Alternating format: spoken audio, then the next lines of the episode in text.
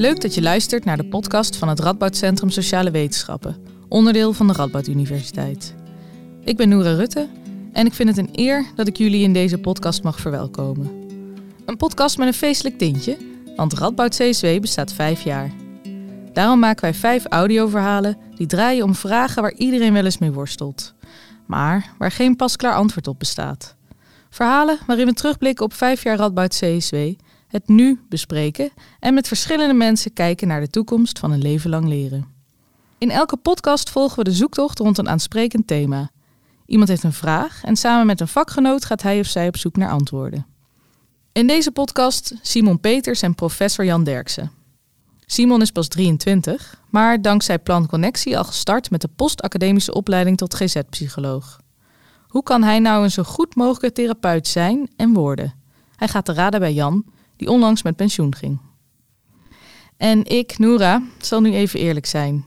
In al mijn twijfels in mijn leven heb ik één ding zeker geweten: voor mij geen carrière in de zorg. Maar daar twijfel ik nu ook weer aan, want ik haal wel voldoening uit mensen verder helpen. Dus ik ben ook benieuwd: hoe word je een betere therapeut?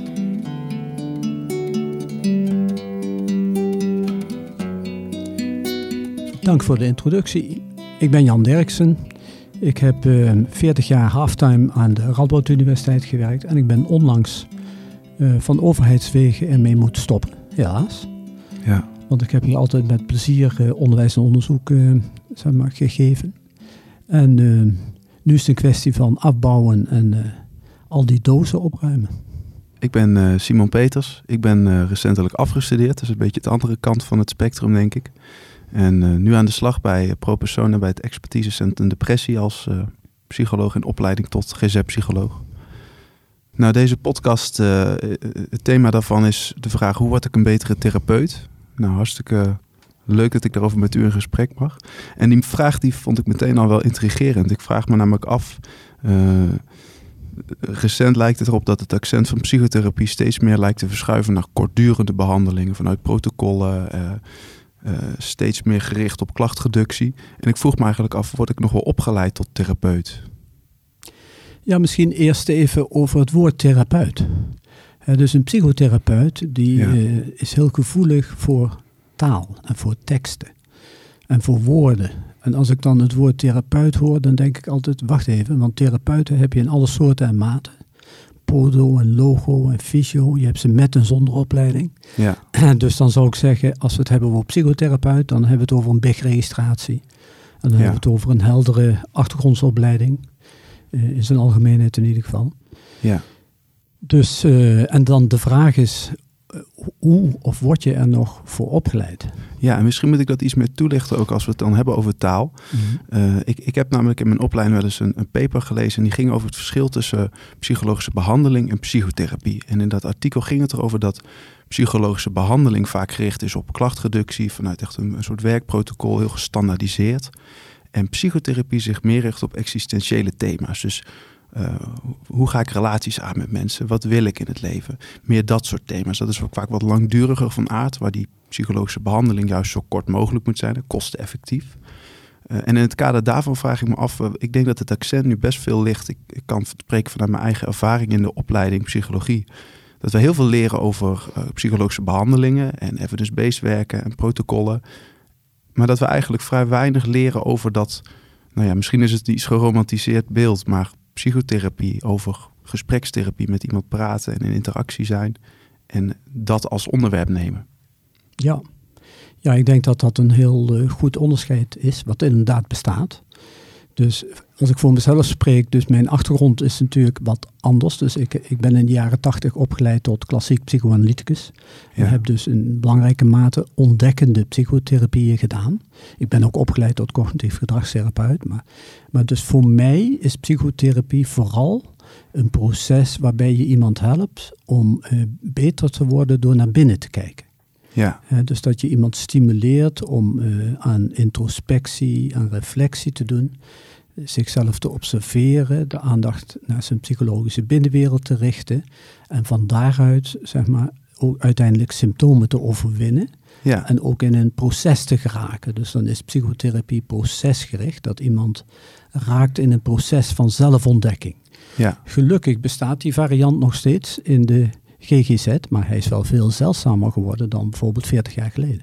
Ja, nou dat vroeg ik me inderdaad af, want er is nu een, eh, een trend om inderdaad heel veel gericht op cognitieve therapie. Volgens mij gaat de Vereniging voor eh, Gedrags- en Cognitieve Therapie zelfs hun naam veranderen naar iets met Ja. evidence-based eh, therapie of zo. En op zich is dat denk ik een hele goede ontwikkeling dat we stilstaan bij, wacht even, doen we wel iets wat effectief is? En de zorgkosten voor de overheid zijn de één na grootste kostenpost van heel Nederland, van de overheidsuitgaven. Dus ergens hebben we ook de verantwoordelijkheid om daar goed mee om te springen. Ehm, maar met die accentverschuiving denk ik ook wel, gaat dan niet een, een hele generatie nu opgeleid worden tot iets anders dan dat vak therapeut? Want als, als ik mezelf zou beschrijven van waar zou ik over 10, 20 jaar willen zijn, of misschien wel net als u, als ik eh, terugkijk op mijn, eh, mijn carrière, dan zou ik vooral willen zeggen, ik ben een goede therapeut.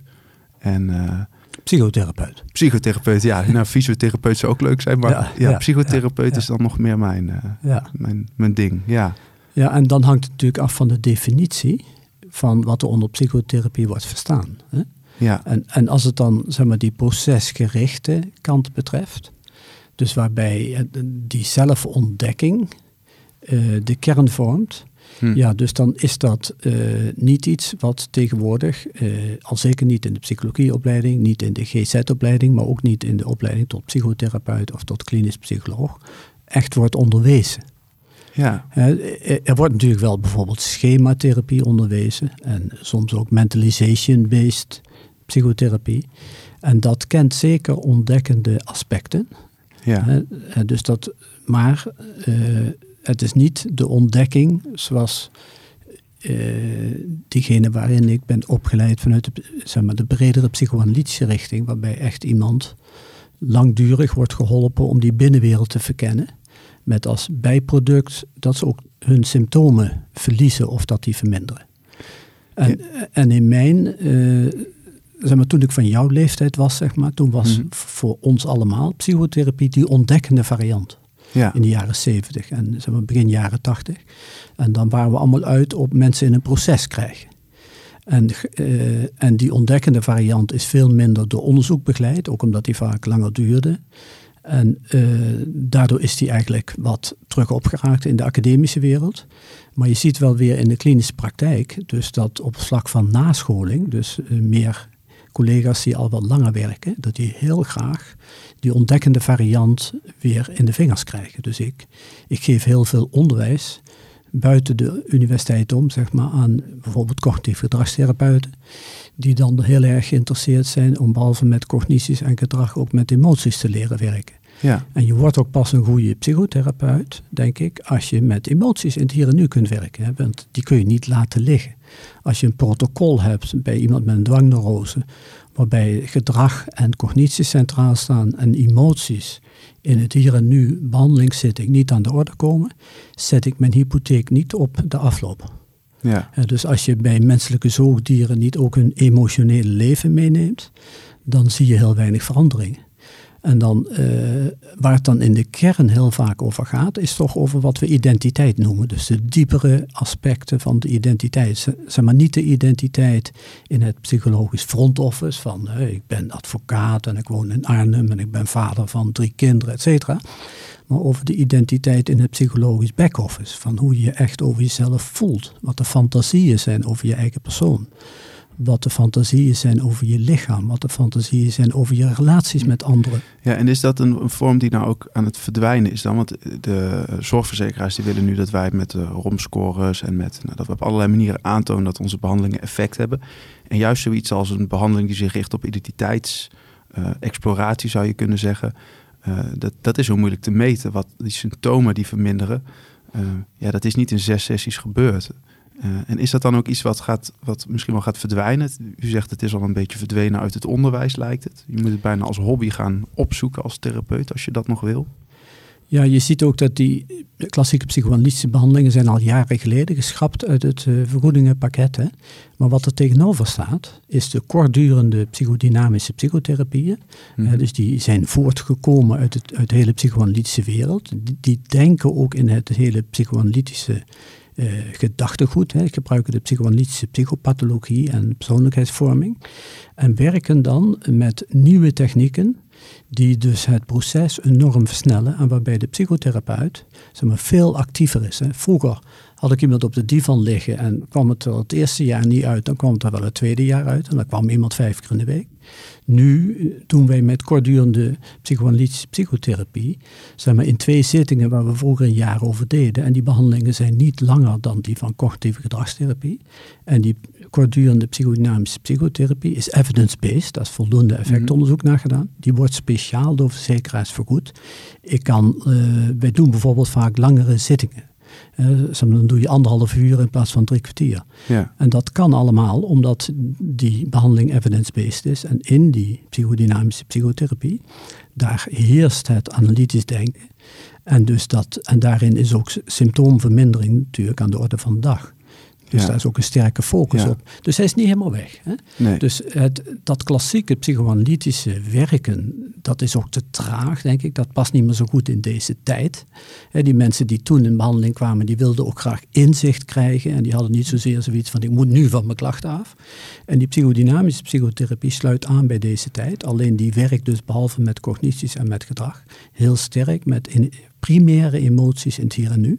En helpt die emoties reguleren naar gevoelens binnen een intensieve overdrachtsrelatie. Ja, en als ik vraag, maar wat is dan hetgeen wat binnen, we hebben het nou over psychologische behandeling en dan denk je toch vaak aan, CGT, aan cognitieve gedragstherapie. En we hebben het over, over psychotherapie. En ik ben benieuwd wat dan daar de grootste verschillen in zijn. Is dat inderdaad de tijd of de focus van de behandeling? Of is dat dus de scholing die een psychotherapeut heeft? Ik denk, ik denk bij de laatste twee. Dus het is zeg maar de scholing, hè, ja. want die maakt heel veel uit. En dan de focus. Hè. Dus dat de focus is op onbewuste processen en op onbewuste conflicten. Om afgeweer, op afgeweerde emoties. En dat je probeert in die behandelingen altijd dieper te steken dan in een cognitieve therapie of in psychologische behandelingen gericht op management van symptomen en op adaptatie van iemand met zijn gevoeligheden aan onze ingewikkelde sociale context. Ja. Dat is ook allemaal goed en nodig hoor. Dus ik ben daar helemaal, ik heb daar niks tegen. Dus ik vind het heel belangrijk dat het ook gebeurt.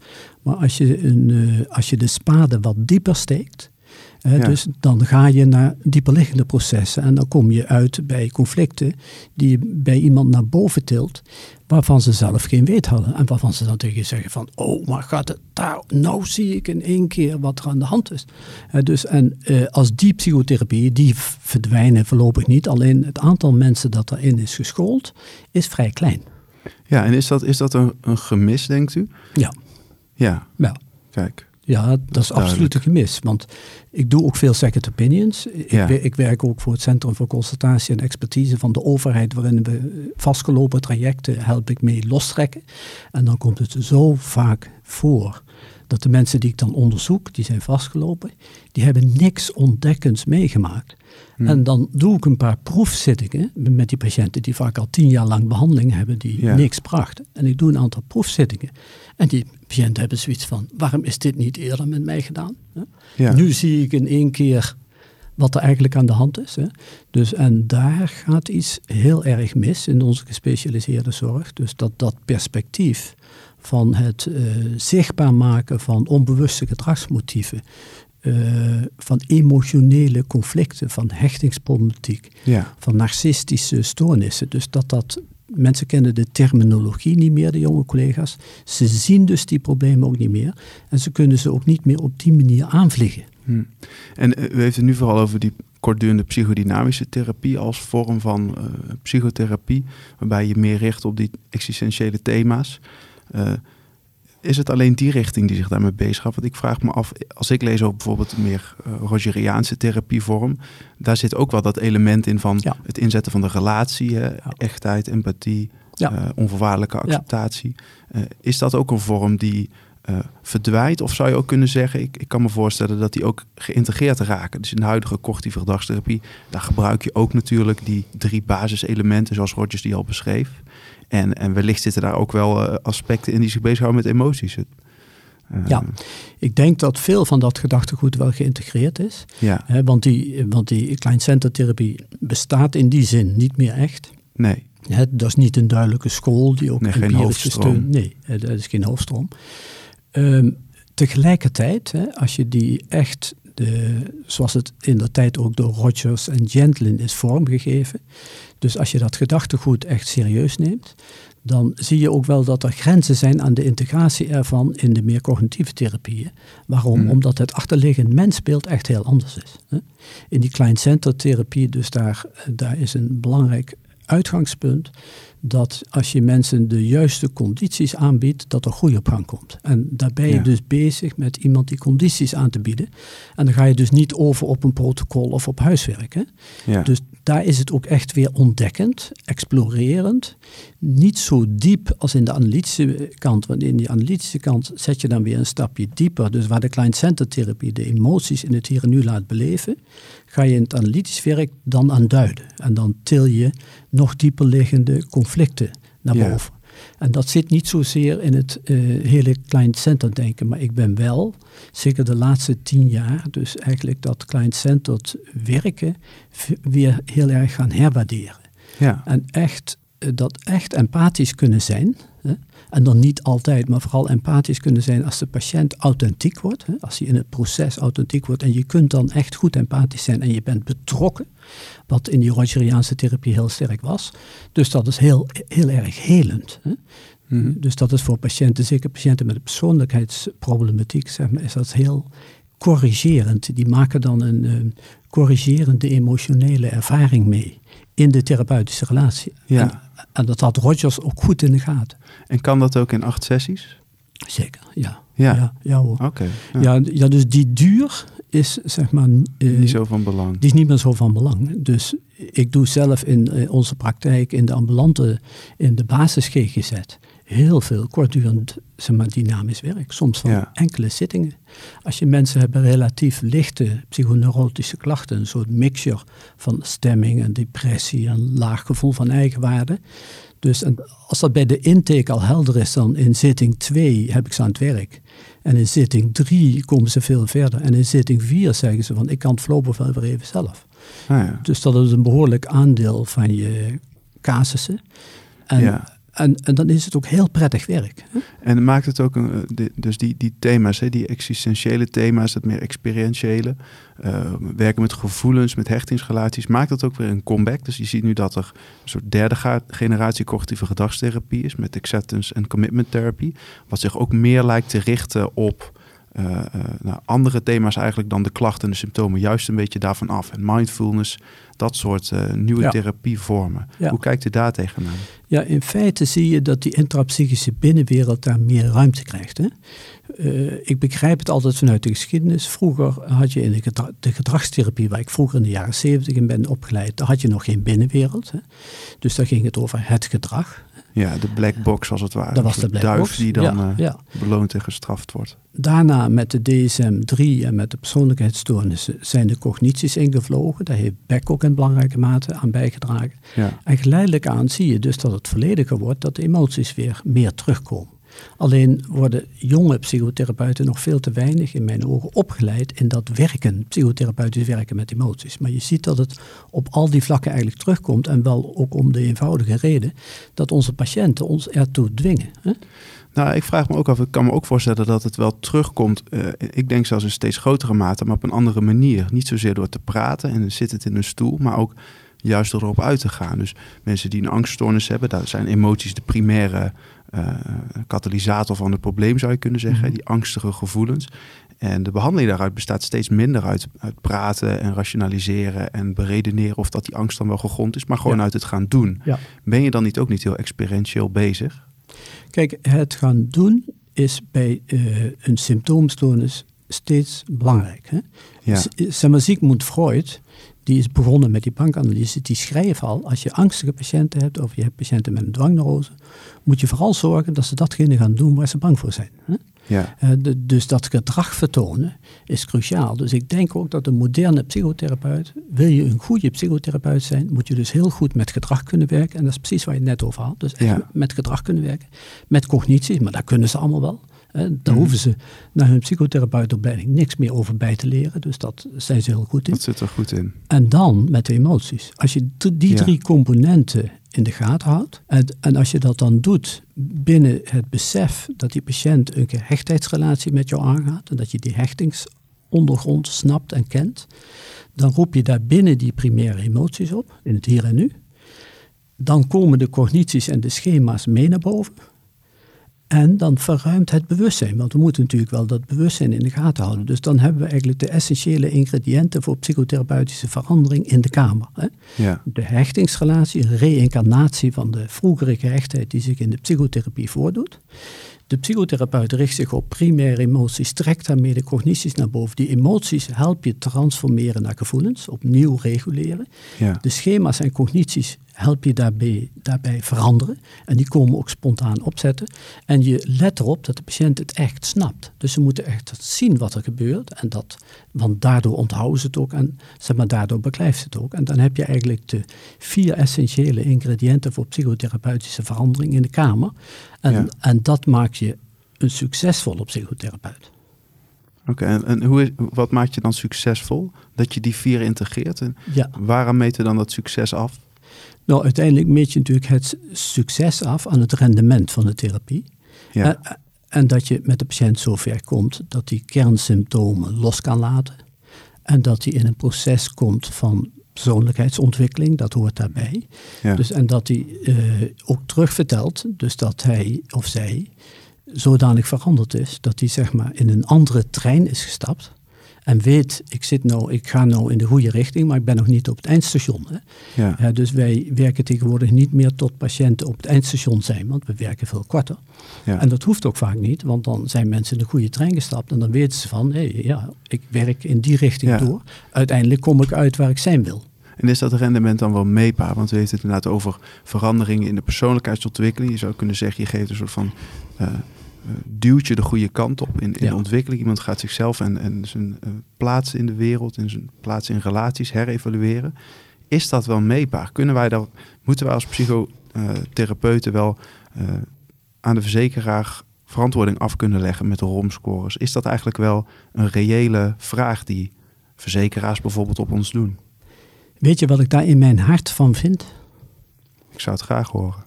Dat we met uh, het meten van het effect en het alsmaar weer bewijzen dat we effectief zijn, dat we daarmee mogen stoppen.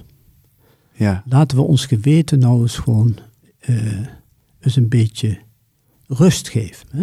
We Ja. hebben in de korte geschiedenis dat psychotherapie en psychologische behandelingen bestaan, hebben wij als geen enkele andere discipline in, in het wetenschappelijk veld bewezen hoe effectief we zijn. Ga Ja. eens naar het ziekenhuis. Alle behandelingen die daar de hele dag worden verricht. Het merendeel is niet evidence-based in die terminologie. Wij hebben al zo ons best gedaan. Houd ons mee op. Laat Ja. het dus rusten. Stop eens met de minderwaardigheidsgevoelens. Hou eens op met het streven om jezelf te bewijzen. En maak ook duidelijk dat er al zoveel onderzoek is geweest dat al die psychotherapieën stuk voor stuk behoorlijk effectief zijn en het veel Ja. beter doen dan eh, zeg maar, toevallige veranderingen. Ja. Dus, en dan beëindig je het gesprek met de zorgverzekeraars en dan zeg je van nou, wij zijn als veld, wij lopen erin voorop, dus laat het voor de rest gewoon aan ons over. Ja. Dus wij moeten als professionals niet steeds bezig blijven met ons alsmaar te verantwoorden en door en door het gevoel te hebben van wij moeten altijd weer bewijzen dat we effectief zijn. ja. Wij zijn effectief. Nou, ik ben, ik ben het daar deels, deels wel mee eens. Hoor. Ik, ik denk aan de ene kant dat uh, het ook alweer heel goed is en nuttig dat wij kijken naar uh, klachteneffectiviteit. Dan heb ik het echt over de afname van de symptomen, gewoon bij, bij depressieve mensen of angstklachten. Zeker bij die psychologische behandeling. Maar ik vraag me wel af inderdaad bij, als we het dan hebben over eigenlijk ons vak, hoe dat ooit is begonnen, hè, met die meer ontdekkende psychotherapie. Uh, of dat het daar wel haalbaar is. En ook of dat wij als psychologen een veel harder standpunt in moeten nemen. Moeten zeggen, maar wacht even. Hè, wij hoeven niet alles wat wij doen. Als wij dan een langdurige therapie doen met iemand met, uh, die al jaren persoonlijkheidsproblematiek heeft. Waarom moeten wij ons dan bewijzen dat wij uh, effectief zijn? De verzorgingsverzekeraar kan ook zeggen, nou ja, goh, u heeft zoveel jaar gestudeerd. U heeft al die kennis u gaat daarmee aan de slag en wij vertrouwen erop dat u dat zo effectief mogelijk doet. Ik bedoel, het is niet zo dat wij. Uh, nee, maar, maar, helemaal mee eens. Het vertrouwen moet terugkomen in de zorg. Hè? Ja. Er is een enorme bureaucratie opgetuigd, eigenlijk als een gevolg van een soort gebrekkig vertrouwen. Ja.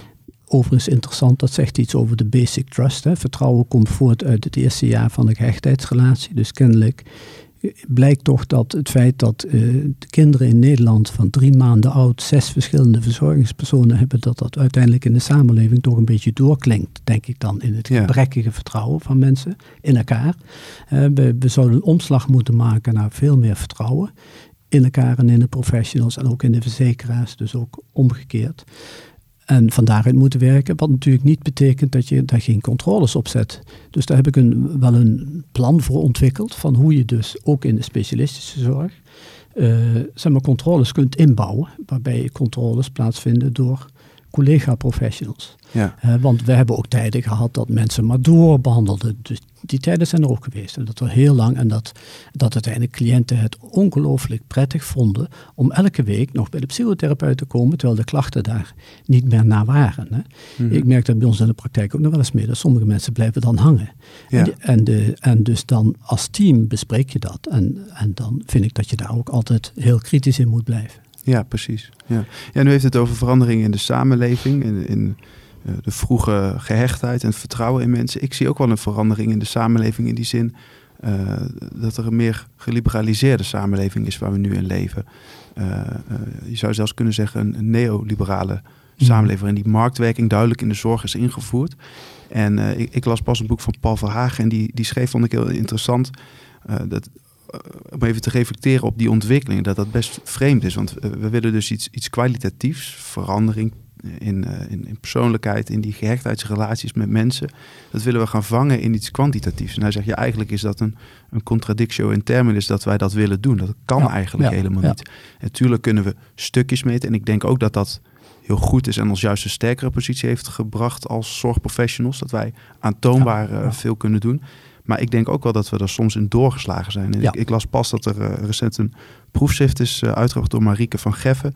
Wat laat zien dat uh, rommetingen en andere kwaliteitssystemen... dat die heel veel tijd en geld kosten... maar eigenlijk nauwelijks tot verbetering leiden. Nauwelijks tot kwaliteitsverbetering. En dat vind ik eigenlijk ook niet zo gek...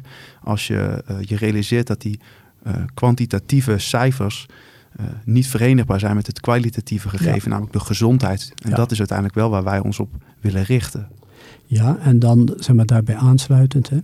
Stel nu dat we in de academie eh, stoppen met het effectonderzoek, dan krijgen we tijd vrij voor procesonderzoek. Hè, om te gaan snappen hoe die verandering op gang komt. En als we daarmee aan de slag gaan, en dan op een goed theoretisch eh, gefundeerde manier, en we gaan begrijpen hoe psychische processen veranderen, dus dan krijgen we op een andere manier inzicht in wel die complexe processen. Bijvoorbeeld Sidney Blatt, hij is al lang overleden, maar een Amerikaanse psychoanalyticus, die heeft een methode ontwikkeld om juist die existentiële veranderingen te meten. De Object Relation uh, Inventory. En dat is een wat klinische methode, maar die ook empirisch goed uh, inzetbaar is, om veranderingen van mensen te meten in dat ontdekkende proces. En ik zou het nou zo mooi vinden als we die tijd die vrijkomt van al dat outcome-onderzoek, dat we die gaan gebruiken om theoretisch gemotiveerd, zeg maar, die processen die mensen dan meemaken, ook weer zichtbaar te kunnen maken. Want dat is op zich ook de taak van de wetenschap. Ja. Wij, wij, willen betrouwbare kennis produceren over alles wat mensen eigen is. Ja. Dus, en dan voor die psychische processen, dat kan ook, maar dat moet je ook op andere manieren gaan kijken. Ook meer theoretisch geïnspireerd kijken naar psychische processen en patronen. Daar, daar liggen mogelijkheden voor het oprapen. Ja. Alleen ze worden nu vaak overschaduwd doordat de psychologen zeg maar, effect meten. En omdat de psychologen zeg maar, zich in de hersenen zijn gaan storten, wat ik zo jammer vind, want daar, daar ligt niet onze heilige graal.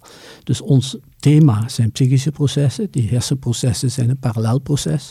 Daar moeten we niet de oorzaken zoeken. Dus die vormen een soort uh, voorwaarde, maar nooit een voldoende voorwaarde. Dus de psychische processen beïnvloeden de hersenen even goed. Hè. Dat is een wisselwerking.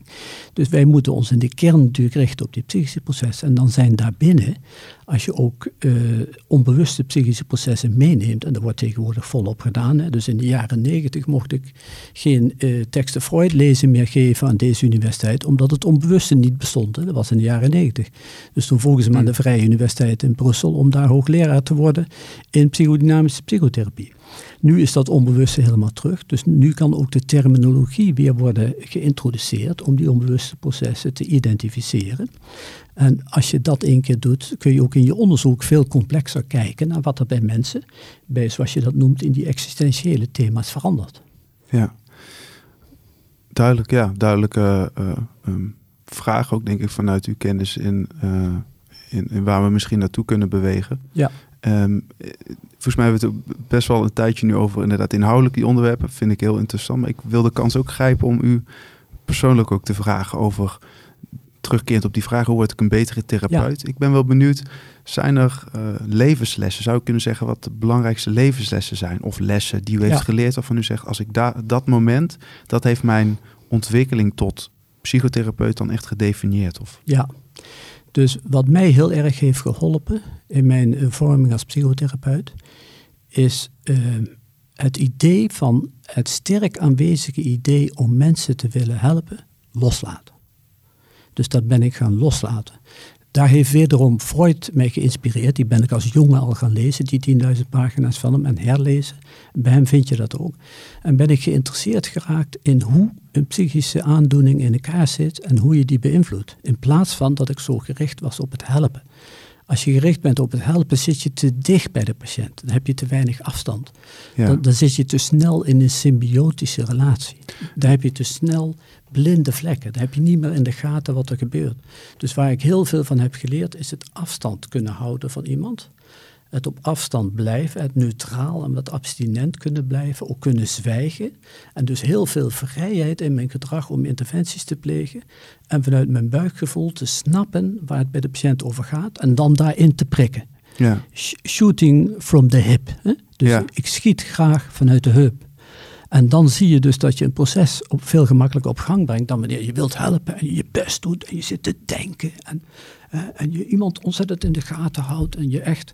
En, en dan, dus als je te veel een hulpverlener bent, dan is er nog te veel in jezelf wat niet is opgelost. Hè? Ja. Dus in leertherapie, ik heb 700 uur op de divan moeten liggen in mijn eigen leeranalyse, want dat moest toen op die manier.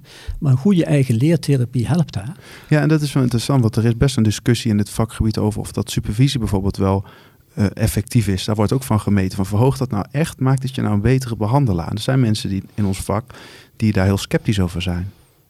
Uh, ik ben daar niet sceptisch over, maar dus wat ik wel bij supervisie doe, ik vraag aan de supervisant om opnames te maken. Hè? Ja. Dus en idealiter heb ik de patiënt zelf ook een keer gezien. Bij onze supervisie in onze eigen praktijk van de opleiding is dat makkelijk. Hè? Maar als ik de patiënt zelf ken en daarna vraag ik ze audio-videobandjes te maken, dat kan tegenwoordig heel makkelijk. Ja. En dan kijk ik met ze daarna. En dan kun je heel gedetailleerd tips geven. En dat werkt als een tierenlier, is mijn ervaring. Hè? Dus, ja. Maar dan, is het, dan zit je er dicht op. Hè? want anders, als je erover gaat praten, dan wordt het vooral veel rationaliseren. Hè? Maar als je dus kunt aanwijzen, kijk, hier zegt de patiënt dit en hier beweeg je naar achteren. En kijk, eens, en kijk eens hoe de patiënt daar nu weer op reageert. Kijk eens, en wat jij nu doet, je kijkt weg. Hè? Zie eens wat hier gebeurt. Wat je ook zou kunnen doen is, en dan gaat die supervisant, die gaat ermee aan de slag. En dan zie je het resultaat weer in de volgende zitting.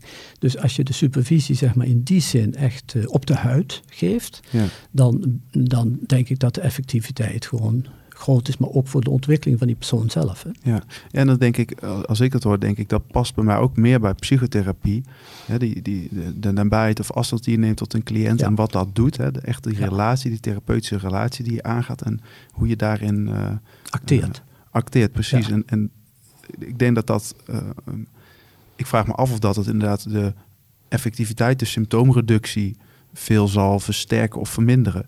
en dat brengt me weer terug bij dat, dat dilemma. Hè, van we willen aan de ene kant heel goed aantoonbaar resultaat laten zien. En aan de andere kant, als ik dit hoor, denk ik ook, ja, dit is ook het beeld wat ik heb van Mhm. psychotherapie. En van waarin ik mij wil ontwikkelen. Kijk, zo'n protocol is natuurlijk fantastisch en heel goed dat het er is. En, en evidence-based. En daar moet je aan houden. Maar ja, dat is ook niet zoveel moeilijker dan je pakt zo'n protocol op en je gaat dat toepassen. En dat is anders dan dit, wat ook Ja. kritisch zelfreflectie vraagt. En ik, Ja. ik vraag me ook wel af, inderdaad, ga ik daar nog wel eh, eh, voldoende in krijgen? Want ik, ik zit nu dan in de GZ-opleiding en daar komt dat ook al steeds meer terug. Ik, ik kan niet zeggen dat ik dat helemaal niet in geschoold word. Maar dat is ook wel wat ik meteen het interessantst vind. Inderdaad, beelden maken. Dat hebben we ook met eh, acteurs die dan cliënt spelen bijvoorbeeld. En Ja. daar leer je gewoon heel veel van. En ik, Ja. in mijn eh, universitaire opleiding heb ik ook gemerkt... dan is het toch veel al colleges, veel al Ja. informatie. Steeds dezelfde. Nou, dit is evidence-based, dat is evidence-based. Ja. Ook heel belangrijk, maar... Nou goed, waar, ik vraag me op een gegeven moment af... waar eh, komt die kinkslag van behandelaar naar therapeut? En als ik u hoor, dan... u zegt, dat is ook niet de gezette opleiding... ook niet de KP-opleiding. Dat moet je daarna zelf bijna gaan zoeken. Ja. Is ons vak dan niet meer dan nog een soort hobby... die eh, het vak van psychotherapeut dan? Verdwijnt dat dan niet daarmee? Nou, ja, voor een stukje is dat zeker juist. Maar dat komt, dat hangt samen natuurlijk met onze manier van wetenschap bedrijven. In de psychologie is de positivistische traditie in de jaren 60 ontstaan, waarbij relaties worden gekwantificeerd. En dan moet het meetbaar worden. De oppervlakte is beter meetbaar dan die diepere processen. Dus al het accent is met de DSM naar de oppervlakte verschoven. En dan zie je dus dat- dat het protocolaire en richtlijnwerk, dat zit aan de oppervlakte. Het loopt helaas tegen de patiënten loopt het stuk. Want na, na het derde protocol zeggen de patiënten, nou wil ik een keer echt geholpen worden. Hè? Dus dat, dat hoor ik dus heel vaak. Hè? Hmm. Want dan hebben ze daar veel te weinig aan gehad, omdat er innerlijk, emotioneel heel veel leeft, wat nog niet aangeraakt is. Dan zie je dus dat de alternatieve sector weer gaat bloeien. Hè? Wat ik eigenlijk eh, tamelijk eh, jammer vind, want daar werken allerlei therapeuten, geen psychotherapeuten, Mhm. zeg maar, die op hun manier zonder goede diagnostiek en zonder goed kennis van zaken met mensen werken, wat, wat nogal tamelijk riskant is. Hè. Dus ik denk dat wij, dat ook de jonge GZ-psychologen er goed aan doen om deze, eh, het begin van de psychologie, dus dat hele psychodynamische denken, wat eigenlijk een soort moederbodem was voor de rest, om, die, om daar weer voor te pleiten dat die in moderne vormen wordt geherintroduceerd. En dat bestaat. Wereldwijd kun je daar zeg maar enorm. Dus ik heb mijn kortdurende scholing in de Verenigde Staten en in Berlijn gevolgd. Dus daar kun je echt heel veel cursussen in volgen. Dus dat is het probleem niet, maar dan moet je het wel zelf zoeken. Ja, ik vraag me af of dat het in die hoek gezocht moet worden. Of dat we dan terug moeten naar de kortdurende of een, een moderne vorm van psychodynamische therapie. Ik vraag me ook af, moeten we niet gewoon ons accent ook weer meer leggen op die processen, die interactie tussen ons en de cliënt, eh, die hechtingsprocessen die de cliënt, eh, eh, de hechtingsstijl die mensen hebben en hoe je daarin gaat proberen verandering aan te brengen in die persoonsontwikkeling. Tuurlijk, maar dat bestaat allemaal al. Hè? Dat kent al een jarenlange traditie. Dus ik zou niet zeggen, geen oude wijn in nieuwe zakken. Profiteer wel van wat er allemaal al is. Plus, Ja. Alles rondom die kortere therapieën, die, daar vindt ook voortdurend ontwikkeling in plaats. Nog even over de persoon van de psychotherapeut, want dat is ook nog wel belangrijk. Behalve dus dat je niet te veel eh, hulpverlener moet zijn, maar dus dat je ook eh, leuk moet vinden om te analyseren hoe iets in elkaar zit. Ja. Want als je de patiënt meeneemt in die analyse, is dat uiterst betekenisvol. Iets anders is dat een moderne psychotherapeut, in contrast tot die uit de jaren 60, in de jaren 60 hadden ze een, eh, de mannen een baard, de vrouwen een lange rok en geitenwolle sokken en ze knikten voortdurend ja. Eh, en waren soft. De moderne psychotherapeut is assertief, narcistisch genoeg, nooit bang. Die is niet bang, die, die heeft hypo-anxiety en eh, is altijd respectvol als iemand authentiek wordt, empathisch als iemand authentiek wordt, durft de relatie terug te trekken op het moment dat iemand weer in de afweer schiet, in zijn front office blijft haken en durft dan te laten merken van ja, zo gaat het niet goed hè. En is daar heel openhartig en transparant in. En dus dat is gewoon een stoere jonge vrouw, een stoere jonge man, zijn de psychotherapeuten van tegenwoordig. Die ook zeg maar de populatie van tegenwoordig. Nederland is de laatste 40 jaar in narcistisch opzicht behoorlijk doorontwikkeld, zeg maar. Dat merk je ook in de praktijk. Dat is echt heel anders dan de jaren 70. En deze moderne psychotherapeut kan dat aan. Die kan ze aan. Ja. En jammer genoeg zijn nog veel van de psychotherapeuten, wij meten dat met de emotionele intelligentietest, hebben een laag gevoel van eigenwaarde. Laag gevoel van eigenwaarde. Ze zijn veel te weinig narcistisch. Is, is, zijn veel te weinig beschrijft, is dat, trots. is dat dan een ideaalbeeld of is dat Ja. wat u nu ziet wat er is? Nee, dat is een ideaalbeeld. Dus wat Ja. ik zie dat er is, is dat ze te neurotisch zijn, hè? Ja, te angstig, te laag gevoel van eigenwaarde hebben. En een deel daarvan is te mild autistisch. Dus dat is mijn impressie, mijn klinische impressie van de huidige psychotherapeut. En waar we naartoe moeten, is een trotse beroepgroep. Die is trots op het beroep, op het vak. Die geeft ook niet iedereen die psychotherapie, maar alleen als dat echt goed geïndiceerd is. Die gooit niet Ja. de parels voor de zwijnen. Trots Ja. op het vak, daar helpt de patiënt enorm als je een psychotherapeut tegenover je hebt, die ook een bepaalde zekerheid heeft, die, die een directheid uitstraalt, een authenticiteit uitstraalt. Onmiddellijk iemand in zijn nekvel kan pakken en zeggen van ja, maar kijk eens hierna en hoe zit dat dan? Je bent een chirurg die exact in het, in het eh, gezwel snijdt waar die moet zitten. En die Ja. niet eromheen gaat krassen. En die niet angstig is van, oh, kan ik dit wel maken? En gaat de patiënt niet agressief worden? Nee, je hebt je diagnostiek goed gedaan. Je weet wat je kunt verwachten. Als je een agressieve patiënt hebt, zeg je tegen de breedgeschouderde broeder, jij komt er gewoon bij zitten. Verder moet je je mond houden en je doet je werk. Dus, en dat hebben we in deze tijd nodig om niet een etiket te krijgen van ja, soft of eh, er wordt alleen maar gepraat. Of, hè. ja. Dus, dit, eh, hè, dus het beroepsimago en ook de wijze, hun, hun identiteit in het front office, eh, heeft enig poetswerk nodig. Nou ja, ik kan me voorstellen dat het imago van, van ons als, als psychotherapeut of als psycholoog daarin inderdaad wel wat anders mag zijn. Er zijn nu vooral, eh, als ik zo kijk rond mijn leeftijdsgenoten, dan zou ik niet eh, zoals u een- zo'n analyse durven te maken. Maar ik, ik zie wel dat eh, om effectieve behandeling te doen, moet je mensen ook confronteren met wat ze eng vinden. Ik bedoel, noem exposure therapie, daar is het hele werkzame mechanisme dat je mensen zo bang maakt als dat ze aan kunnen op dat Ja, moment. ja. Dat is de enige Ja, manier om die klacht te behandelen. Ja, dan kan je niet hebben als, als jonge eh, psycholoog dat je zelf Ja. dat ook spannend vindt. Dat je Ja. zelf denkt, ja, nou Ja. dat zou wel een goede opdracht zijn, maar dat vind ik zelf eigenlijk ook. En dadelijk wordt die cliënt hartstikke bang en, en gaat hij huilen. En, en ik zie dat soms nog wel eens voor me, dat mensen inderdaad heel terughoudend en voorzichtig zijn. Terwijl ik dan denk, nou ja, goh, volgens mij moet je juist een klein beetje pijn doen. Dat is juist ons vak. Het is eigenlijk En, en, verzaken op het moment dat je dat niet doet. en ik zou zeggen, niet soms een klein beetje pijn doen, maar heel vaak behoorlijk pijn doen. Nou ja, precies. Ja, Dus- zeker als je maar zes sessies hebt, dan mag je vanaf Ja, sessie ja, 1 wel eens gewoon gaan prikken. Want als je dan drie sessies gaat praten, dan op een gegeven moment zou ik als patiënt ook zeggen, nou ja, goh, Ja, dit doet ook niks. nee.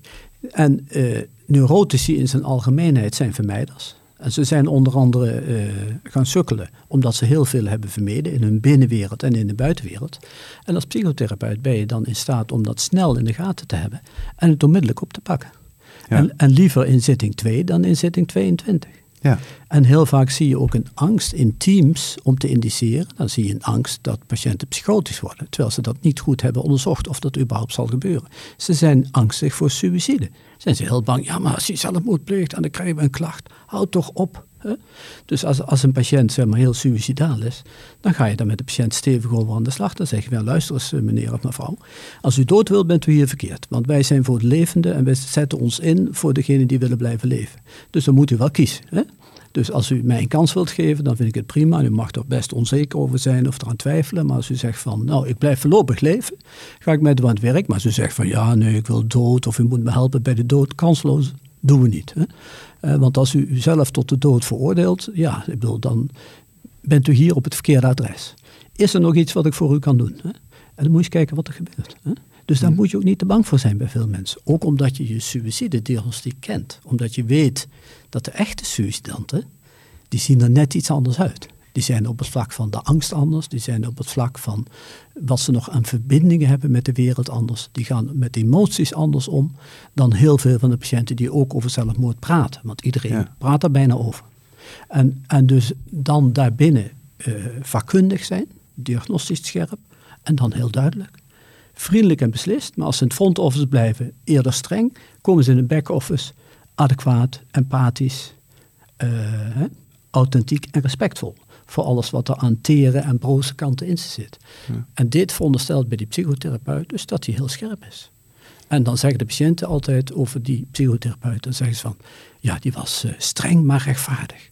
En het was pijnlijk en moeilijk, maar ik heb er heel veel aan gehad. ja. Ik bedoel, dat is het constante verhaal wat je dan terug hoort. Ja. En, is dat iets wat ons als, als psycholoog, als beroepsgroep eh, typeert? Is dat een, uh, u loopt al, al, al, langer mee dan ik. Is dat iets wat in, in onze samenleving in algemene zin zo is? Dat we soms te soft zijn of te graag willen pleasen, elkaar willen ja. helpen? Ja, dus dan zijn we nog te neurotisch. Hè? Kenmerk van neuroticisme is dat je wilt pleasen en dat je bang bent voor wat de ander van je denkt en dat je afhankelijk maakt van de beoordeling van anders. Dus, en veel van onze psychotherapeuten zijn zelf nog te neurotisch. Hè? Niet in de zin van dat ze allerlei duidelijke symptomen hebben, maar wel als patroon. En dus daar schieten we niks mee op, want er zitten twee neurotici bij elkaar bang te zijn. Hè? Ja. Dus dat is, dat iets, is dat iets wat ook, het past op zich ook al bij die, die trend die we zien met social media, hè, dat aardig gevonden worden. Ja. Nou, u noemt het, het, het front office. Volgens mij leeft uh, 99% van onze samenleving alleen nog maar in uh, likes en beelden ja. van een soort van geïdealiseerde uh, leven op het strand en in een goede hoek genomen. Een imaginaire wereld waarin zeg maar, het back-office ontbreekt. Waarin dus verdriet ontbreekt en frustratie ontbreekt en pijn ontbreekt, jaloezie ontbreekt. Hè? En, en dan leren jonge mensen veel minder met dat soort basale emoties om te gaan. Hè? Komen ze dan ook vaker naar u toe tegenwoordig? Ja, ja. Deze, mijn generatie oh ja. zeg maar, misschien nog jonger dan ik? Wij zien heel veel backbenchers. Hè? Dus die op 2, 23-jarige leeftijd op het werk afknappen. En dan noemen ze dat zelfs al burn-out. Terwijl, ja. neem me niet kwalijk, burn-out mag je pas zijn als je 40 jaar in het onderwijs of in de zorg hebt gewerkt. En echt veel te hard. He, dus, en, en, dan zijn het, en dan gaat het over dit soort dingen. Ze hebben dus niet geleerd, ze zijn te veel uit de wind gehouden. Ze hebben niet geleerd met die frustraties, met die diepere frustraties om te gaan. En wat we in de therapie dan doen, is wat Freud noemde nachterziehen. Dan gaan we ze opnieuw opvoeden. Hmm.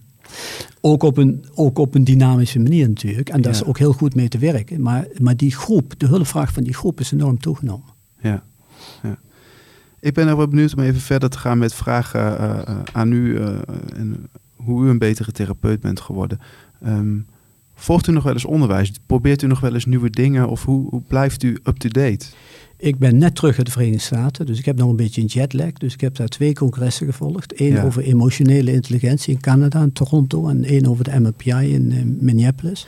Vlak, vlak voordat ik afscheid nam van de universiteit heb ik een hele dag uh, bij de Vereniging voor Cognitieve en Gedrags, voor Gedrags- en Cognitieve Therapieën, zoals die nu heet, gevolgd. Over uh, het bezig zijn met behandeling van angst. Dus ik leid me voortdurend op. Dus ik, ik heb me ook getraind in EMDR. Veel van mijn psychoanalytische collega's die houden zich er allemaal buiten. Nee, ik denk dat je dat allemaal mee moet maken.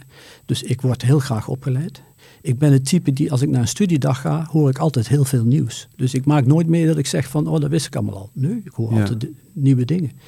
Dus ik, ik sta uh, in termen van de NEO, het vijf-factoren-model, moet een psychotherapeut, denk ik, of zou het mooi zijn als een psychotherapeut hoog scoort op openheid. Ja. Ik heb dat bij mezelf ook gemeten, mijn openheid is maximaal. Ja. En, en, en dus dat helpt heel erg, omdat ja. je dan ontwikkelingen tot je neemt. En is dat dan op het gebied van onderwijs en ontwikkelen? Of word, word je ook een betere therapeut als je bijvoorbeeld uh, een keer alleen op wereldreis gaat, oh, of een relatiebreuk meemaakt, of dat, dat, soort zaken? Dat helpt allemaal. Zijn er dat soort dingen in uw leven waarvan u zegt, als ik daarop terugkijk, ook in, in uw persoonlijke leven, van dat heeft mij echt een andere of misschien wel een betere psychotherapeut gemaakt? Ja, zeker. Dus ik, eh, ik kom uit een dorp van 600 inwoners, waar nog niemand een universiteit ooit van de binnenkant had gezien en waar de macht lag bij de pastoor en de hoofdonderwijzer. En mijn trauma was dat ik met beide ruzie had. En, ja. en met het hele dorp heb gevochten. En en in die tijd een straatvechter was. Die blauwe ogen ontving en uitdeelde. Uiteindelijk hebben ze me van school afgekiept en dat was voor mij een hele goede zet. Ja. En, uh, en daarna is het heel goed geweest om zeg maar in, in een psychoanalyse te gaan, dus in die analytische opleiding te gaan doen. En dan toch 700 uur aan jezelf te besteden. Dus dat heeft zeker geholpen. En, okay. en, dat was dan in een tijd dat ik in interpersoonlijke relaties een tamelijk uh, veel bewogen leven had. Hè, want dat is ook goed als je dan in zo'n periode juist eraan werkt. Op welke manier? Met die pastoor en die...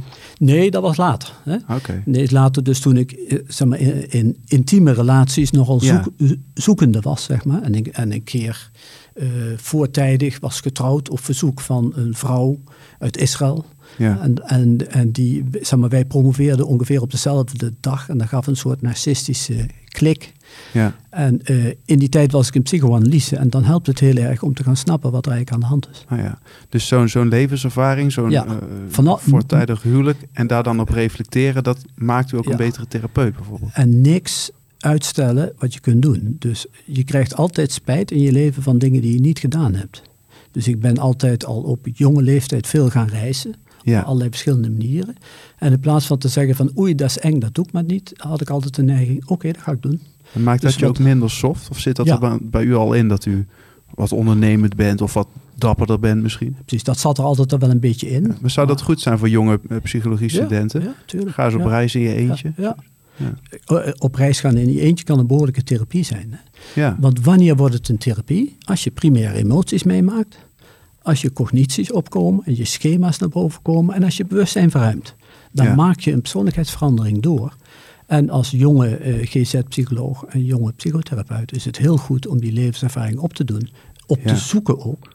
En daar wel over te reflecteren. Dus leer om naar binnen te kijken. Hè? Ja, dat sluit me aan ook bij het, volgende onderwerp wat ik eigenlijk wilde aandragen.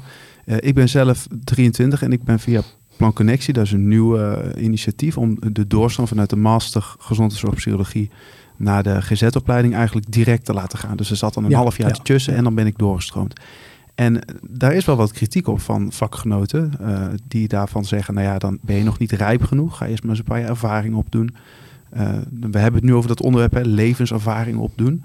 Is dat een vereiste om een goede therapeut te zijn? Moet je een bepaalde leeftijd hebben? Nee, het gaat niet om leeftijd. Want je hebt mensen die op hun 22e zoveel ervaring hebben en zoveel meer ervaring hebben als sommigen op hun 40ste. Ja. En dat hangt nou juist samen met de type persoonlijkheid. Maar het hangt natuurlijk ook samen met wat je overkomt in je leven. Hè? Ja. Als je als op achtjarige leeftijd je moeder aan een, uh, aan een tumor overlijdt of je vader aan een hartinfarct en er gebeurt van alles in je leven en je, kunt, je hebt geleerd om daarover te reflecteren, is dat uiterst betekenisvol in je werk ook. Ja. Hè? En het is natuurlijk wel goed, en ook de GZ-psycholoog zal wat mij betreft dus een korte leertherapie moeten krijgen, om dus wel ook te leren hoe het voelt en werkt als je, als je aan jezelf werkt. Want dat heb je nu alleen maar in de psychotherapeut en in de zeg maar, klinisch psycholoogopleiding. Maar geef ook GZ-psychologen de kans om dat te doen. Met leertherapie bijvoorbeeld. Ja, maar ze kunnen dat natuurlijk ook zelf zoeken. Hè? Je, hoeft niet af te wachten tot je het krijgt, maar je kunt ook zelf dat zoeken. En dat raad ik altijd aan. En cruciaal is dan om goed te leren mentaliseren. Hè? Dus dat je goed leert mentaliseren, want dan verwerk je ook wat je mee hebt gemaakt. Want je hebt natuurlijk mensen die ageren iets uit, maar die leren niks. Hè? Maar als je jonge mensen hebt van 23 die veel hebben meegemaakt en het niet allemaal hebben uitgeageerd, maar er ook heel veel van hebben geleerd, dan heb ik die graag bij ons in de praktijk. Ja. En dan vind ik het helemaal niet erg dat ze geen 30 zijn. En dan zeggen de patiënten wel van, ja, maar je bent nog zo jong. Dan zeggen ze van, ja, ja mevrouw, dat klopt. Ik ben net van de universiteit. Maar wat hebt u het liefst? Een chirurg die opgeleid is in de nieuwste technieken, strakke handjes, die precies goed snijdt? Of eentje van 60 met heel veel ervaring, maar hij bibbert zo? Ja, nou ja, precies. Van, oh, oh ja. ja, nou, die vraag krijg ik ook wel eens van, hoe, hoe, oud ben je dan? Oh ja, 23. Nou, ik vraag dan ook eens, nou ja, die leeftijd is één ding. Ook een vraag die wel eens opkomt is van, uh, ja, je hebt zo lang geen kinderen hebben? Dus ik, nee, gelukkig niet. en uh, een ander onderwerp, wat ook, dan zeg ik ook al, nou ja, je weet ook niet of dat ik depressief ben geweest of zelf behandeling heb gehad of zo. Moet, je, moet je nou alles hebben meegemaakt om het te snappen of te kunnen behandelen? Ik kan me echt wel voorstellen dat het helpt om een bepaalde levenservaring te hebben. Maar uh, nou ja, aansluiten bij waar we het over hadden met het soft zijn. Ik denk misschien soms wel dat het goed is om een klein beetje afstand te hebben van uh, het, het persoonlijke. Op het moment dat jij inderdaad iemand met een depressie behandelt en je denkt, ja, maar ja, ik vond dat zelf ook wel lastig toen ik me zo voelde. dat nee, dus... maakt je ook tot, tot zeggen, nou weet je, doe maar rustig aan. Terwijl je misschien eigenlijk naar het moet prikken. Nee, en dan ga je met je tegenoverdracht reageren. Hè? Dus dan ga je onbewust reageren vanuit je eigen problematiek. Dat is niet goed. Hè? Ja. Wat je hebt meegemaakt en wat je mee kunt maken, zo diepgaand mogelijk beleven. Dat helpt. Want dan is het ook een, dan is het geen unfinished business. Dan zit het niet nog uh, onverwerkt in je rugzak. Hè? Dus als psychotherapeut moet je niet te veel onverwerkt in je rugzak hebben. Er is nieuw effectonderzoek. Hè? Waaruit heel mooi naar voren komt, en dat vind ik dan wel weer mooi dat dat naar voren komt, dat uh, de tegenoverdracht van de psychotherapeut heel veel van de variantie van het effect verklaart. Wat zegt dit? Uh, dus dat hoe de psychotherapeut in staat is om met zijn eigen gevoelens om te gaan in de behandelrelatie, heel in belangrijke mate een belangrijk aandeel van het positieve effect is. Hmm. Dus en dat, dan denk ik van oké, die Sigmund Freud die had weer gelijk. Hè? Dus dat dat heel belangrijk is om, om, om die tegenoverdracht goed te verkennen en in de gaten te hebben wat iemand bij je oproept en dat te kunnen managen. Hè? Dus daar niet in te trappen. Precies wat je net zei, als je zelf uh, depressieve gevoelens kent, dat je van daaruit begint met voorzichtig te worden. Ik bedoel, dat is een tegenoverdrachtsprobleem. Ja. Nou heeft empirisch onderzoek aangetoond dat als je met je eigen uh, reacties goed uit de voeten kunt, dat dat zeg maar, de patiënt helpt. En dat is natuurlijk heel goed te begrijpen, maar het, het is nu ook in die zin empirisch helder. Ja. Dus in die zin zou ik me niks aantrekken van uh, dat gepraat over leeftijd en over. Hè, en uh, in het, met de patiënt daar gewoon heel rechtstreeks op ingaan. En zorgen dat je dus weer die trotse, professionele, directe behandelaar bent. En dan vergeet de patiënt die leeftijd. Hè. Ja. Het is wel zo, dat is de andere kant van de zaak. Hè. Dus ik zit er nu 40 jaar in, ruim 40 jaar. Dus het wordt daardoor wel steeds makkelijker. Hè. Wat wordt steeds makkelijker? Het doen van psychotherapie wordt makkelijker omdat mensen zich veel gemakkelijker aan je overgeven. Ze kijken naar je, ze, ze weten veel van je. Omdat je, je ouder bent. Omdat je ouder bent. Ja. En ze zoeken je op op het internet en dan lezen ze dingen over je. En dan is de behandelingsrelatie al aan de gang voordat ze binnenkomen. En dan geven ze, en dan, en dan leggen ze hun lot gemakkelijker in je handen. Er zit natuurlijk ook een gevaar in dat ze een afhankelijkheid uh, uh, uitleven. Maar dus uh, uiteindelijk om de, het vertrouwen te winnen, hoef je met oplopende leeftijd, zo is dan ook weer, uh, hoef je zeg maar veel minder druk over te maken. Dat komt dan vanzelf. Dat krijg je als een cadeau. Hè? Dus waar je nu ja. uh, op in moet zetten en wat nu zeg maar, uh, wat nu nog wat effort kost, maar wat leuk is om dat technisch goed te doen. Over als je, als je dus 15 jaar verder bent, komt dat vanzelf. Dan krijg je het als een cadeau gratis aangereikt ja. in de relatie. Ja. En dat is ook weer leuk. Ja, nou ja, precies. Het heeft ook wel voordelen. Ik denk, ik heb ook wel cliënten die jong zijn, waarbij je juist heel goed aansluit. Ik bedoel, exact, ja. net als wat, ik, wat we het net over hadden, die verandering in de samenleving. Ja. Ik kom uit een generatie waarin ik, ik Ja. ben opgegroeid met mobiele telefoons en internet en gamen en, en social media. Ik snap wel hoe dat zit. Dus ik, ik weet, ik merk soms wel dat, en bijvoorbeeld ook met een ontwikkeling als e-health, ja, dat is voor mij wel een soort logisch en, en, Ja. en simpel. En uh, nou ja, oudere therapeuten die hebben daar soms wat minder Ja. zicht op van Ja. wat dat dan eigenlijk is of inhoudt. Ja. Een leuk voorbeeld, een van onze masterstagiaires die bij Intake zit en het verslag schrijven, die vroeg aan mij gisteren bij de supervisie, van mag ik voor jullie een handleiding schrijven over hoe jongeren met videogames werken? Want ik merk dat jullie er niet zoveel van af. Ja, en kunt u dat dan incasseren? Ja, tuurlijk, tuurlijk, tuurlijk, tuurlijk. Ik zeg hartstikke graag. Ja. Hartstikke leuk ook dat je het aanbiedt. Hè? Ja. Nou ja, precies. ja, Daarin kunnen we ja. ook wel van elkaar leren, Ja, denk ik. Ik, denk dat het, ik, ik merk dat dat ook juist wel leuk is. Ik merk- werk ook met eh, eh, master eh, stagiaires, zeg maar, die bij ons komen. Die, daar werk ik ook mee samen. Die begeleid ik dan al een beetje, terwijl die vaak ouder zijn dan ik. Dus dat, dat is soms wat, wat vreemd in, in aanleg. Maar dat is eigenlijk hartstikke leuk, want je houdt elkaar hartstikke scherp. Ik werk ook met mensen die al uit een stuk ouder zijn, die mij begeleiden. Eh, en, en dat is ook heel prettig Ja. om, om met, wat, wat u zegt, een soort Ja. van zekerheid te hebben. Ja. Iemand die wel alles wel een beetje heeft gezien, niet zo snel in paniek raakt. Ja. Ja. Het, het, wat een psychotherapeut ook niet zou moeten overkomen, is dat hij wat laconiek wordt. Hè? Dus als ik, als ik een intake doe, ik doe er twee in de week, eh, en ik zou me voor een intake niet meer druk maken, dan zou ik zeggen van eh, schuif mij maar opzij. Hè? Hm. Dus ik moet wel eh, het elke keer weer spannend blijven vinden. En ook een bepaalde Ja. nervositeit, een bepaalde positieve phalanx blijven houden. Voor Ja. elke patiënt. Want elke patiënt is uniek. Is Ja. ook weer complex, ook, ook al lijkt het aanvankelijk simpel. Dus je moet, zeg maar, als je ouder wordt daarin, dus eh, voorkomen dat je laconiek of cynisch wordt. En dat je het werk wat je doet niet meer als een uitdaging ziet. Dus het moet wel een uitdaging blijven. Anders moet je mee stoppen. Ja. Dan moet je echt met de fut of met de... Hè? Ja. ja.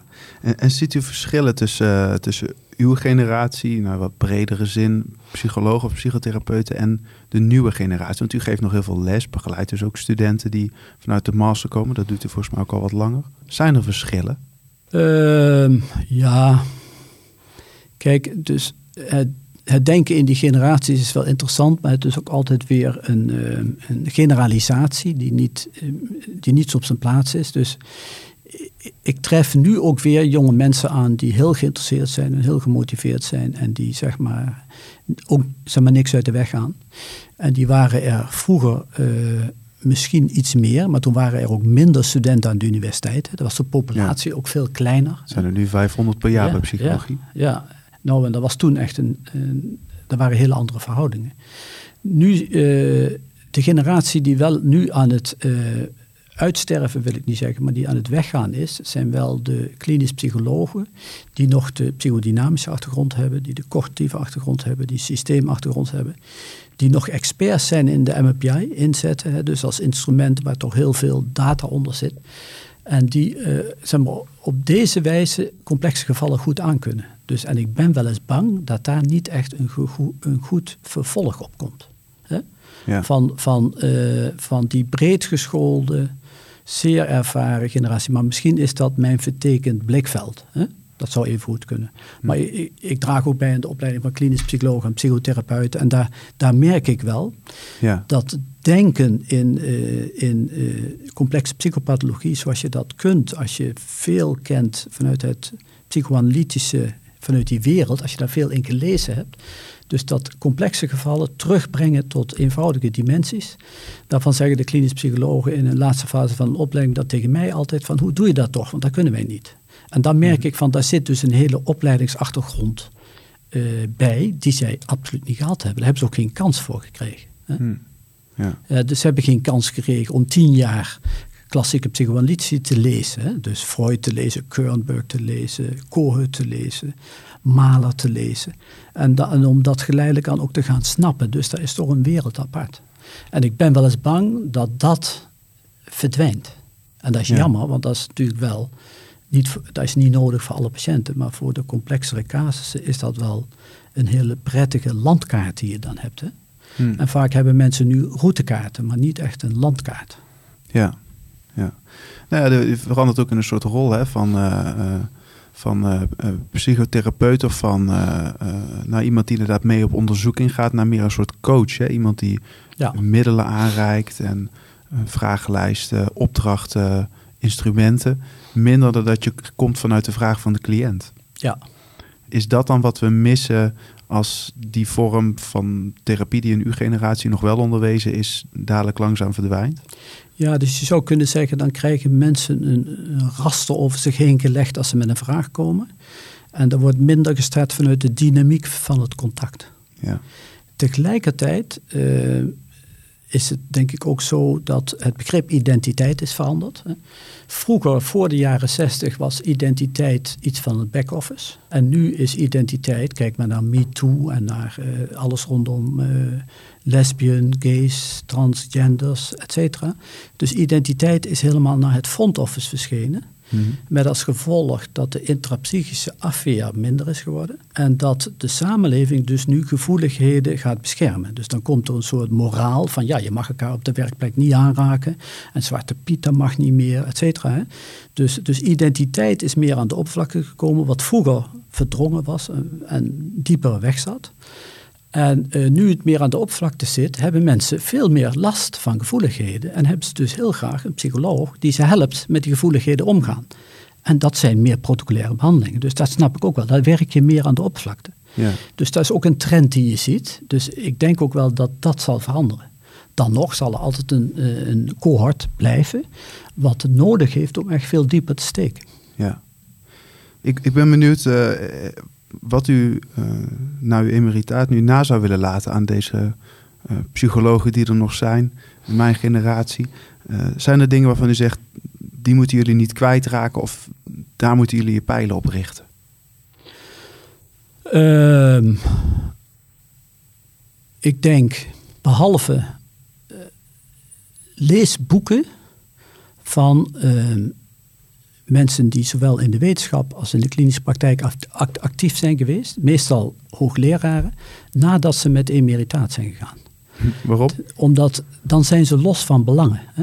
Ja. Dus als je Amerikaanse grootheden in ons vakgebied, zoals Millen en ook Frosch en allerlei, eh Kernberg ook, als ze dus los zijn van hun werkverplichtingen, zijn ze niet meer bang dat ze geen subsidie binnenhalen. Dan zijn ze niet meer bang om Ja. de, de waarheid te spreken. Ja. Dan schrijven ze nog een boek en die boeken, dat, dat zijn juwelen. Gaat u ook zo'n boek schrijven? Eh, nou, ik heb er veertig geschreven en ik had besloten om er geen meer te schrijven. Dus Ah, Dus Gemiste kans. alleen nog een boek over psychodynamische therapie. Okay. Maar ja. uh, lees die boeken ja. en daarnaast lees romans. Lees ja? romans. Lees goede romans van goede schrijvers. Hè? Ja. En uh, lees, als je van lezen houdt, lees gewoon uh, internationale romans. Engelse, Amerikaanse, sommige Nederlandse auteurs, Belgen. Hè, zijn hele goede.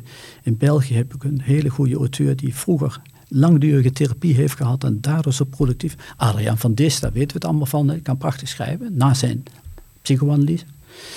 Uh, Christine Hemmerrechts, hè? Ian McHugh, Uh, allerlei andere auteurs, Hoelebeck in Frankrijk zelfs. Lees goede romans, want die Ja. geven je op het vlak van menselijk inzicht heel veel aardig materiaal. En die geven je teksten en woorden. Ja. Niet uit de psychologie, maar voor het dagelijks leven geven die je woorden die je als psychotherapeut goed kunt gebruiken. Ja, nou, leuk dat u dat zegt. Ik, vraag me, ik vroeg me dat ook af in, in het kader van bijvoorbeeld muziek. Ik weet dat David Bowie heeft in het begin van zijn carrière gezegd... My work can be compared to talking to a psychoanalyst. My act is my sofa. En dat beschrijft hij eigenlijk precies hetzelfde. Hè? Van ik, ik uit mijn ziel niet zozeer eh, op, op de bank bij mijn Ja. psychoanalyticus... maar ik schrijf het in mijn muziek. En Ja. ik vroeg me dat ook af voor, voor mij als jonge psycholoog. Kun je daar ook wat eh, levenservaring uit vinden in die boeken, in die muziek... waarin zo'n... Absoluut. Ja, In kunst is daar primair. Eh goede films, hè? goede documentaires. Hè? Hm. Netflix over Bakwan. Bakwan is nog uit mijn tijd. Als je kijkt als, als psycholoog in opleiding naar die documentaire in Netflix over Bakwan. Hier word je zo verrast over wat er in menselijk gedrag allemaal kan. Je kijkt, kijkt dan met de ogen van een psycholoog naar die documentaire. Echt een hele goede kwaliteitsdocumentaire Ja. over, over Bakwan. Dat heb je nodig in je vorming. Hè? Naast goede films, goede muziek. Ga vanavond naar Phil Collins. Dat is ook Ja. goede muziek, vooral over Ja. de liefde. Hè? ja, En, ehm, en, en lees die romans. ja. Dank u wel, meneer Derksen. Graag gedaan. De liefdesliedjes van Phil Collins? Na dit gesprek beluister ik ze met andere oren. Dat is zeker. In deze podcast hoorde je Simon Peters en Jan Derksen over hoe je een betere therapeut wordt. Dank voor jullie deelname. Deze podcast is tot stand gekomen in opdracht van Radboud CSW. Coördinator is Merel van Omme, Barbara van Ginneken verzorgde de muziek, realisatie Harro Brouwer van LBL en presentatie Noora Rutte. Dank ook aan Monique Schijvenaars, Kees Oerlemans en Gideon Kessler. Wil je meer van onze podcasts horen, achtergrondverhalen over de besproken thema's lezen of lees, luister of kijktips krijgen van de hoofdpersoon uit onze podcasts? Ga dan naar rcsw.nl slash vijfjarig bestaan.